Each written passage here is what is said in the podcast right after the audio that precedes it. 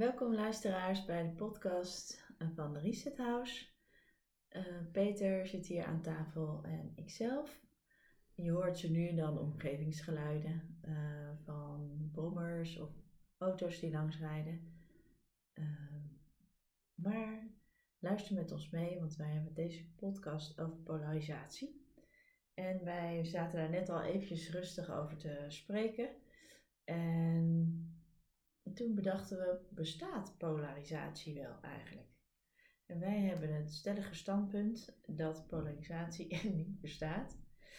Um, maar we ervaren het zo nu en dan wel in de maatschappij en ook tijdens onze opdrachten. Dus hoe werkt dat nou eigenlijk, polarisatie? En wat is dat? Kun jij daar iets op toelichten, Peter? Uh, ja, jazeker, kan ik daar wat op toelichten. Dus, uh, je begon net al een beetje te beginnen grappen hè, toen je zelf zei van wij hebben het stellige standpunt dat polarisatie niet bestaat. En dat is dan zo mooi als, uh, zo, zo, hoe noemen ze dat in Latijn, contradictie in termen is. Mm -hmm. Dus ehm, nu kennen we elkaar al wat langer dan vandaag en uh, ken ik jou als een genuanceerd, niet polariserend mens. En zo zie je maar hoe belangrijk taal is. Hè, door taalgebruik kunnen mensen een vorm van polarisatie ervaren, terwijl die er niet is. Ja. Dus, uh, en hier hebben jullie dus als luisteraar gelijk al iets van de essentie te pakken van dat taalgebruik, uh, naast het tot je nemen van allerlei informatie, heel belangrijk is in een, uh, zeg maar, communicatievorm, zoals dat met een duurwoord heet, of een dialoog. Wat misschien wel een mo tweezijdige monoloog wordt. Maar goed, nu ga ik over de communicatie diepte in. Dus polarisatie bestaat niet, natuurlijk. We kennen allemaal de uh, voorbeelden van de hufter in het verkeer die geïrriteerd je snijdt, of uh, uh, de, de politicus die geïrriteerd of zelfs boos met een andere politicus praat. Mensen die ruzie maken op tv en talkshows en in misschien wel in je eigen sociale kring waar ruzie is. en dat zijn mensen met meningen. Dus. Dus een mening hebben polariseert. Die geeft een gevoel van polarisatie. Oké. Dus dat is een beetje onze stelling. Van, Want als je een mening geeft, kies je eigenlijk één kant van het verhaal. Nou, en daarmee polariseer je. Want in feite zijn er heel veel kanten aan een verhaal. En bestaat er misschien wel geen polarisatie, behalve als je een kant kiest. Kiest. Ja. Dus polarisatie is een keuze. En dat kan dus, polarisatie kan dus in de hand gewerkt worden door taal, door je manier van communiceren, zeg je net. Ja. Um, en hoe wij informatie tot ons krijgen. Ja, en misschien dus ook. door de context. Ja, we kunnen het nog, nog wel wat uitdiepen hoor. Het, gaat, het wordt zelfs filosofisch. Hè. Je kan ook zo het, het, het gaan, gaan koppelen aan betekenisgeving. Nou, dat is een heel groot woord, een, een duur woord. En, uh, maar goed, wij willen met z'n allen, zoals wij hier rondlopen, ertoe doen. Mm-hmm. En uh, we hebben dan bepaalde informatie tot ons genomen. We vormen daar ons beeld bij. Mm-hmm. En wij willen graag gehoord worden. En als we ons niet gehoord voelen, dan gaan we misschien wat sterker ons uitdrukken van luister nou naar mij, want mijn mening doet ertoe en ik wil graag gehoord worden. Mm. Dus het is ook een kwestie van, um, als je sterker je mening uit, dat wil nog niet zeggen dat je polariseert, maar in ieder geval op een hardere toon praat, uh, wil je eigenlijk gezien en gehoord worden. Dat is een soort wens van een mens, intrinsieke wens. Ja, ja. En eigenlijk daarmee neem je ruimte in voor, jou, voor jouzelf. Je creëert ruimte voor jezelf. En de vraag is, hè, nu komen we op het begrip ruimte. Mhm. De vraag is als je voor jezelf ruimte creëert, hoeveel ruimte neem je dan bij iemand anders? Want het kan namelijk zo zijn dat als jij je mening, ook hier de, de, taal, als je je mening opdringt aan iemand anders, dan moet diegene, als die daarvoor open staat, klein beetje van zijn eigen ruimte op prijs geven. Van ik hoor jou, jij, jij vindt dat blijkbaar heel stellig, dus nou ja, dan ga ik er maar even naar luisteren. Maar misschien werkt dat ook een bepaalde vorm van irritatie op, omdat die persoon zich nou ja, een beetje in de hoek voelt te worden gezet. En die heeft ook een oordeel of een mening. En die kan dan zeggen, ja oké, ik hoor jou, maar goh, hoe je dat doet vind ik niet zo leuk.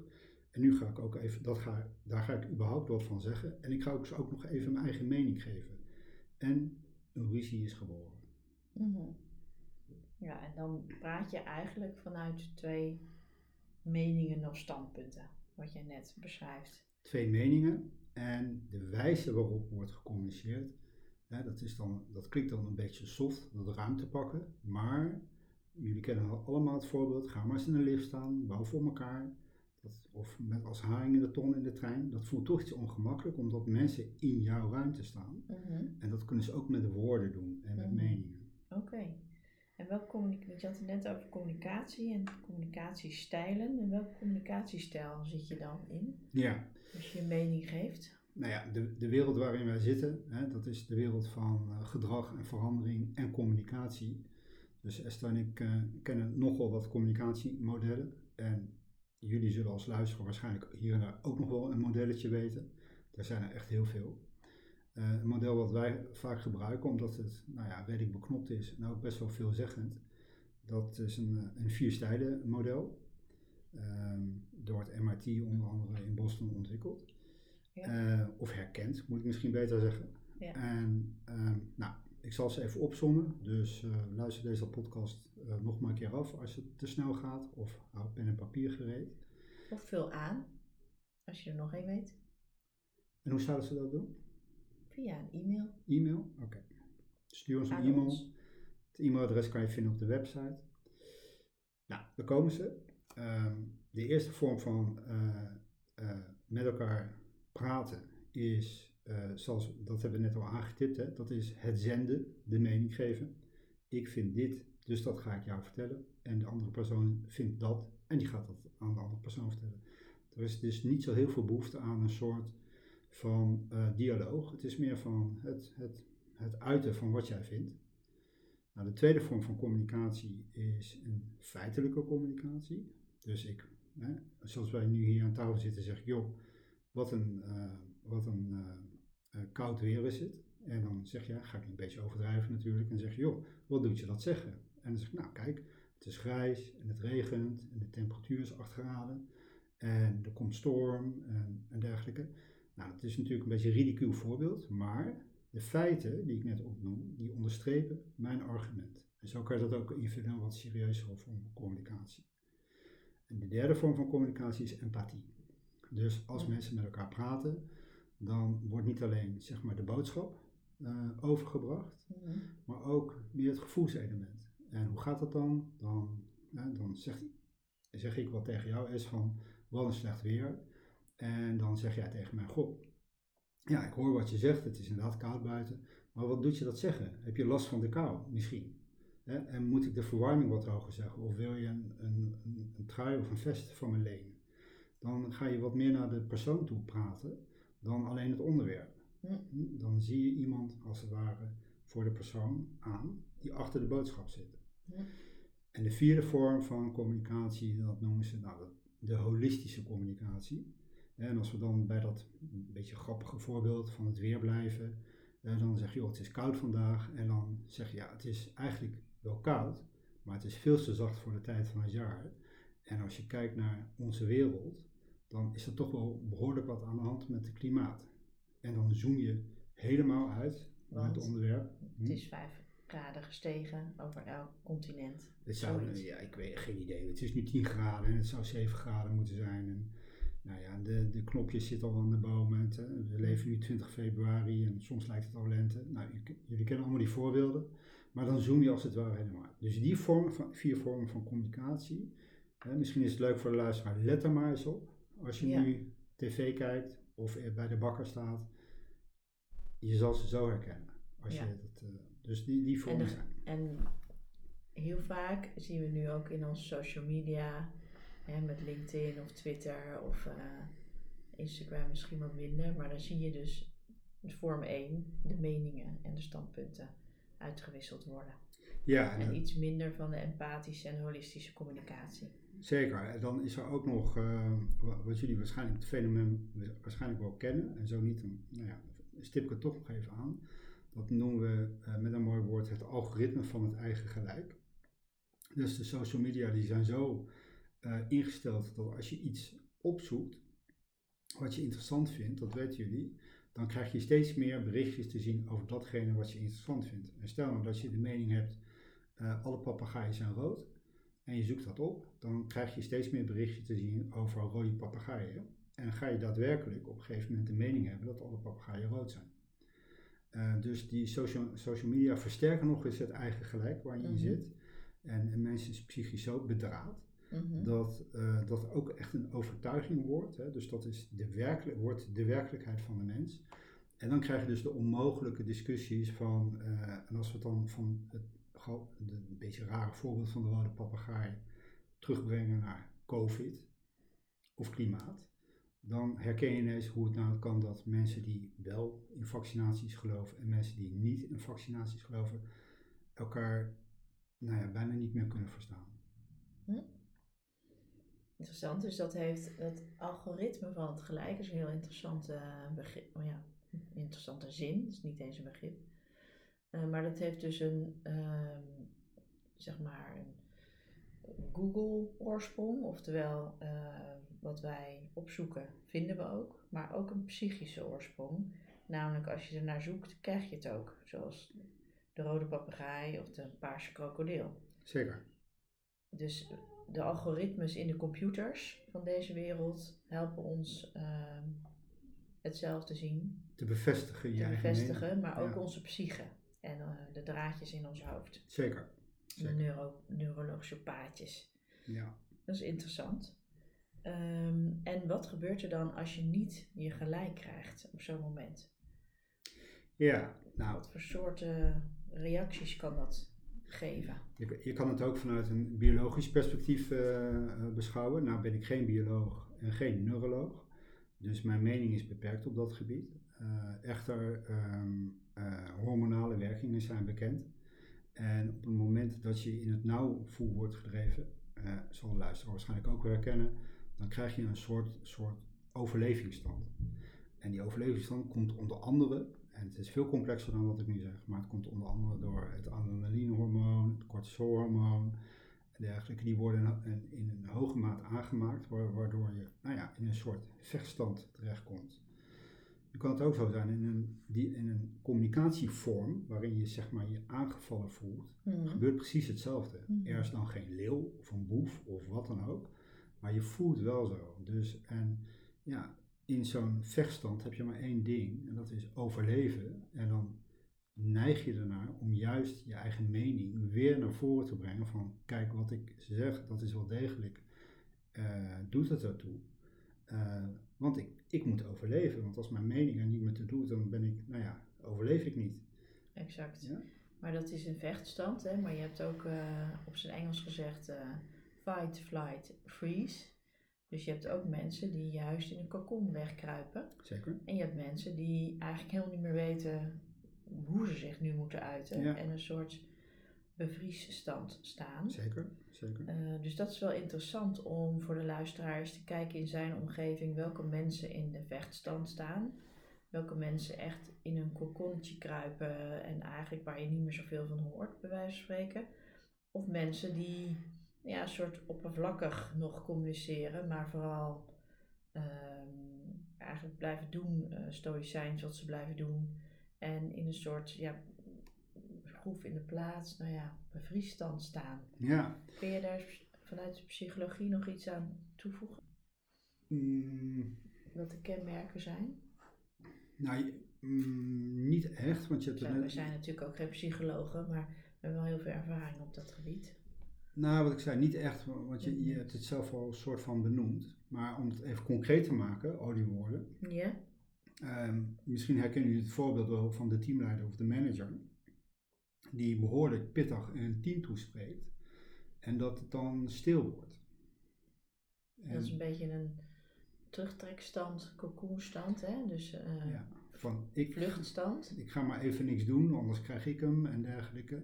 En de vraag is hoe effectief dit is. Er zal vast iets aankomen van de tirade van de teamleider of van de manager. Ja. Maar veel mensen trekken zich per definitie dan direct terug. Van nou het zal wel, ik, eh, ik ga zomaar weer aan mijn werk en ik vind eigenlijk ook van alles van, maar ik ga helemaal niks zeggen. Dus de, de, de polarisatie is daar en de dialoog is volledig verdwenen. Ja, ja? exact. Dus dat is een voorbeeld. Ja. ja. En een voorbeeld van een vriesstand is dat ze eigenlijk geen werk meer uit hun handen krijgen. Dat mensen als ze een tirade hebben ontvangen of op een andere manier eh, nou ja, zich aangevallen voelen, dat ze, eh, dat ze, ik ben even afgeleid door iets vanuit de Ja, er komt een omgeving. blaffende hond langs. Ja. Ehm, en dat ze eigenlijk een soort stilvallen. Dat is een Ja. voorbeeld van een vriesstand. Ja. Check. En nou ja, de interessante vraag is dan, als je dus in die modussen zit, eh, wat maakt het dat je uit de overleefstand komt en weer gaat leven? Ehm, en daar hadden we het ook even kort over. Ehm, want bestaat polarisatie wel echt? Of is dat doordat je in een of ander standpunt terechtkomt en de andere standpunten niet meer kan zien? En wat maakt eigenlijk dat je weer de andere standpunten kan zien? Ja. Ja, zo- zoals jullie nu ehm, misschien hebben al, eh, jullie zien een beetje waar we naartoe gaan. Dat is polarisatie ervaren we wel, maar is meer een som der delen. Hè? Het is een, ehm, eh, een mening die wordt opgedrongen, een gevoel wat je hebt, en, eh, de social media die daar een grote rol in, spelen. En dat benoemen wij dus van, ehm, ja, wij zien dus veel polarisatie om ons heen. Uh, maar het is een zonder delen. En als je die zonder delen gaat afpellen, uh, dan blijkt vaak, hè, als mensen de dialoog met elkaar weer terug kunnen vinden, van joh, ik ben best wel boos op jou, maar waarom, waarom vertel je dat nou eigenlijk? Empathische communicatie, niveau 3. Mhm. Dan blijkt vaak dat er heel iets anders achter zit. Dat iemand zegt, joh, ik voel me niet gehoord. En ik, ja, sorry, maar ik, ik was een beetje uh, narrig, want ik heb al heel de dag uh, een boze baas in mijn nek hangen. Nou, dan heb ik het op jou uh, geuit. Ja, en dan zegt die ander vrijwel direct van, oh, maar nu snap ik het. Ja, ja, nou ja, zo zou ik ook reageren als ik jou was. En ineens heb je de dialoog terug. Dus, ja. dus wat wij eigenlijk jullie nou ja, willen meegeven is van, als je jezelf keer op keer je eigen mening hoort herhalen, dan kan je misschien nog wel gelijk hebben, ook op basis van de argumenten die je gaat aandragen. Maar misschien is het goed om dan toch, en dan komt zo'n zo'n coachwoord komt er dan uh, ter sprake, is toch goed om even uit te zoomen. Van. Hey, en uitzoomen is bijvoorbeeld naar achter zitten. Even naar achter of zitten. even naar achter gaan staan. Even naar jezelf of kijken. even naar buiten lopen en opnieuw uh, ja. naar binnen gaan. Ja. Even uit de context. Ja. ja. En dat naar buiten gaan is trouwens ook interessant wat je zegt. Want uh, wat gebeurt er namelijk als het mooi weer is? Of als mensen, als ik dan heel zorgvuldig formuleer, ervaren als mooi weer. Maar goed, laten we maar even mooi weer noemen. Het zonnetje. Het is nu 20 februari. Over uh, één of twee weken is het ineens 15 graden.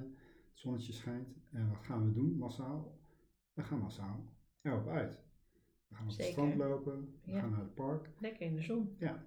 Maar we, de vraag is natuurlijk ook weer, waarom doen we dat eigenlijk? Mhm. Nou, dat kan je dus simpel gezegd een beetje, maar wel invullen van, we willen letterlijk even de ruimte hebben. Heel de winter hebben we binnen gezeten met slechte weer. Nu is het lekker weer en we gaan er eens op uit. Het is dan wel in Nederland wel zo dat er gaan gelijk 100.000 mensen gaan erop uit. Dus zit je in de drukte van het park en het geïrriteerd omdat je geen parkeerplaats eh, kan vinden enzovoort enzovoort. Ja. Maar een mens heeft intrinsiek behoefte aan wandelen in de natuur en een ruimte om zich heen. Uh, om nou, een vorm van balans te vinden voor zichzelf. Precies. Ehm, en het is eigenlijk naarmate de ruimte ehm, voor je gevoel ingeperkt wordt, ga je in een overleefstand zitten en van daaruit een mening geven. En de strijd aan, of nou ja, hè, wat Zeker. we net zeiden. Zeker. Dus nog wel in de Zeker. of uh, in de vries. Ehm, en dan is het fijn, zeg maar, om weer uh, vanuit rust en vanuit um, buiten en de ruimte om je heen, zeg maar, kom je dan er langzaam uit. Dan is, kom je langzaam uit die inperking en dan voel je weer ruimte om je heen, waardoor je eigenlijk die mening kan gaan loslaten. En die andere standpunten kan gaan zien. Nou oh ja, als hij het zo zegt, ja, oh, dan snap ik het eigenlijk wel. Zeker. Dus dat, ehm, ja, dus en eigenlijk wat je zo mooi laat zei, herken het zonnetje als het er niet is. Oftewel, wat ik ook laatst tegen een vriendin zei, achter de zon, achter de wolken is altijd zon, bedoel ik. Ja, achter de wolken is altijd zon. Dus eigenlijk gaat het over je bewustzijn van dat je in de overleefstand zit. Of dat je meer ruimte of vrijheid nodig hebt om je baan te doen, om met je kinderen te zijn, noem maar op. Zeker, zeker.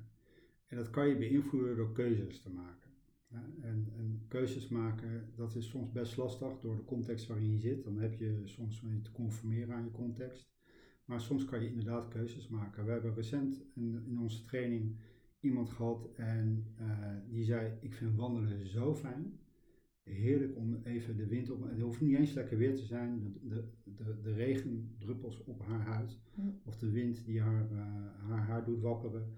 Dat vond ze wel heerlijk. En toen vroegen we een simpele vraag: Maar als je dat zo fijn vindt, hoe vaak doe je dat dan? Nou, zegt ze: Eigenlijk nooit. Ja. Nou, dat zijn keuzes. Hè? En uh, natuurlijk, iedereen heeft drukke levens, drukke banen.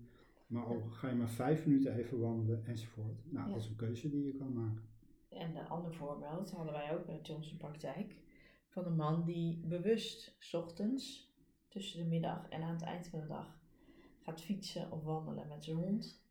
En daardoor heel erg goed kan uitzoomen en relativeren. Ja. En vanuit allerlei invalshoeken eigenlijk zijn uh, best complexe vraagstukken uh, kan oplossen. Zeker. En beantwoorden. Zeker. En daarmee eigenlijk een hele goede salespersoon ook is. Dus het is wel wonderlijk hoe, wat wij zien in onze praktijk. Dus wij komen natuurlijk ook veel teams tegen die op een gegeven moment door de meningen en standpunten zijn vastgedraaid in een soort toxisch geheel, waar niet makkelijk zelfstandig uit te komen is. Ja. En dan is het fijn om op een bepaalde manier een klankbord te organiseren uh, voor je team, maar ook jij als persoon zou dat kunnen doen. En dat doen wij natuurlijk ook wel samen. Ja.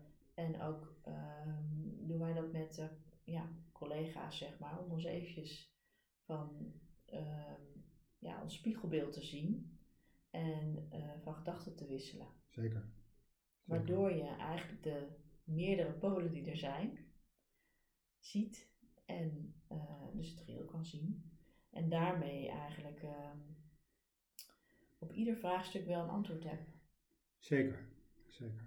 Dus overtuigingen, social media, je eigen mening, ruimte die bij je wordt afgenomen of opgedrongen, ja. Nou ja, enzovoort. En um, ja, dan, dan, ik heb nog een zinnetje, en dat, is letterlijk gebeurd, dat um, um, in de coachpraktijk waar ik in zat een paar jaar geleden, mm -hmm. uh, werd ik ook nog gevraagd voor mediation. En ehm, twee mensen die gecoacht werden, die door verschillende coaches werden bij mij neergezet als een soort mediator. En die mensen hadden echt zware ruzie, mm. naar bleek, ondanks dat ze het met elkaar eens waren. Dat is heel vaak zo, hè? Ja. ja, dus ze waren het met elkaar eens, maar door de meningen en vooral de communicatievorm die ze beiden hadden, kregen ze het maar niet voor elkaar om naar elkaar te luisteren. Dus, nou ja, dat is een voorbeeld, letterlijk gebeurd. Ehm, en als je dan mensen een beetje helpt van joh, maar begrijp je nu, hè, als een mediator, begrijp je nu wat de een zegt en probeer heel even stil te zijn en te luisteren naar de persoon en dat soort hele kleine dingen. Dat is het spiegelbeeld op de spiegel die je kan creëren voor jezelf. Je hoeft geen mediator natuurlijk, het, het kan een vriend zijn of een goede buurvrouw. Of ja. Dan kan je gewoon tegen zeggen, joh, als ik weer loop te tetteren, uh, ik zit een beetje vast en ik ben een beetje nukkig of brommerig, zeg het gewoon tegen mij. Hè? Dan houdt iemand anders in de spiegel voor. Je kan ook zelf in de spiegel kijken. Daarmee zeg je eigenlijk al, door te luisteren naar een ander, ook al zit je alle twee in standpunten, maar als één daarvan gaat luisteren, brengt dat eigenlijk al heel veel ontspanning in de, in de, situatie, waardoor de polarisatie weg Zeker. zou verdwijnen. Zeker. En het hoeft niet altijd tot een eensluidend standpunt te komen. Hè. Je kan ook Nee. rustig zeggen, we agree to disagree, zoals dat zo mooi heet. Maar dan heb je wel naar elkaar geluisterd. Exact. En dat is al helpend in zo'n situatie en dat geeft de ruimte. Dat Zeker. ieder er mag zijn. Zeker. Ja, en we hadden het ook nog even heel kort over eh, de schoonheid, ehm, die je soms ineens uit een narge of geïrriteerde situatie kan halen. Mhm. Doordat je bijvoorbeeld muziek opzet in je auto en ineens geraakt wordt door bepaalde tonen of een bepaalde stem. Mhm. Dus eigenlijk heb je ook schoonheid om je heen misschien wat te creëren naast een klankbord. Hè? Dus een, daarom gaan mensen natuurlijk ook veel wandelen in de natuur in het weekend, in het bos of bij het strand. Maar ook naar een museum of naar een enorm gave muziekconcert. Soms klassiek, dan weer pop, weet je wel. Dat brengt je eigenlijk ook in een soort positieve, ja, ehm, meer veelomvattende ehm, reflectie of zicht op je omgeving. En het haalt je uit je polarisatie. Je kan, het- je kan het met een mooie zin, tenminste, ik hoop dat de luisteraars het een mooie zin vinden. Als de ratio, de mening, zeg maar, je niet lekker doet voelen, dan kan je het zintuigelijk oplossen. Juist, En precies. zintuigelijk, hè, dat is wat Esther net zei, Met je ogen, Ja. met je oren. Kijk naar een mooi schilderij, luister naar een goed stuk muziek, eet een lekker visje ergens in een restaurant, zintuigelijk en Ga dergelijke. naar de sauna, ook heerlijk. De warmte op je huid, het uit- enzovoort. schoon te spoelen. Dus, en natuurlijk, dat is de zintuigelijkheid, maar ook gewoon de, de rationele communicatie. Weet je wel, standpunten uitwisselen, naar elkaar luisteren en dergelijke. Ruimte nemen in de, in, in, tussen zeg maar, jouw eigen mening en de mening van anderen aanhoren, in plaats van er doorheen te tetteren. Dat doen de mensen in de Tweede Kamer wel, weet je. Maar gewoon in het dagelijks leven. En dat ervaren we ook met teams hè, in onze praktijk. Dat Zeker, als je ze een dag eh, in een dialoogsetting naar elkaar hebt laten luisteren, hebt laten aanvullen, eh, dan komen ze vaak uit de dag eh, met zicht op hun patronen, maar ook zicht op eh, de ontrafeling van wat er nou eigenlijk onder ligt en dat ze het heel erg eens zijn met elkaar. zeker. En vaak horen we ook van, nou het is eigenlijk zo simpel Ja, om weer tot elkaar te komen, maar waarom doen we dat dan niet? exact. Nou, dat hebben we net afgelopen 27 minuten een beetje aangestipt. Ja, en wel genoeg voor Dank. deze dag. En wat, of voor deze podcast bedoel ik. En wat het mooie is, is dat polarisatie dus eigenlijk wel bestaat als je in een bepaalde mening en standpunten volhardt. Maar polarisatie bestaat niet als je daaruit bent En op een andere manier met elkaar spreekt en actief luistert. En het positief mensbeeld wat wij hebben, is dat op een enkele persoon na, maar dan gaan we de psychologie in en dan ga je het richting sociopathie en psychopathie hebben, eh, is elke mens eigenlijk wel gebaat bij een vorm van consensus, overeenstemming, Willen bijdragen. willen bijdragen. En Exact. laten we ons een beetje verleiden tot onze mening en tot de ruzie waarin we zitten. En krijg je de middelvinger of krijg je de hufter in het verkeer enzovoort. Tot zover deze podcast op 20 februari 2023. We hopen dat jullie hebben genoten en misschien wel van één zinnetje eh, nou ja, nieuwe inzicht hebben gekregen. En we horen graag jullie aanvullingen via de mail. Dat staat op onze website. Tot snel bij een volgende podcast. Tot de volgende keer.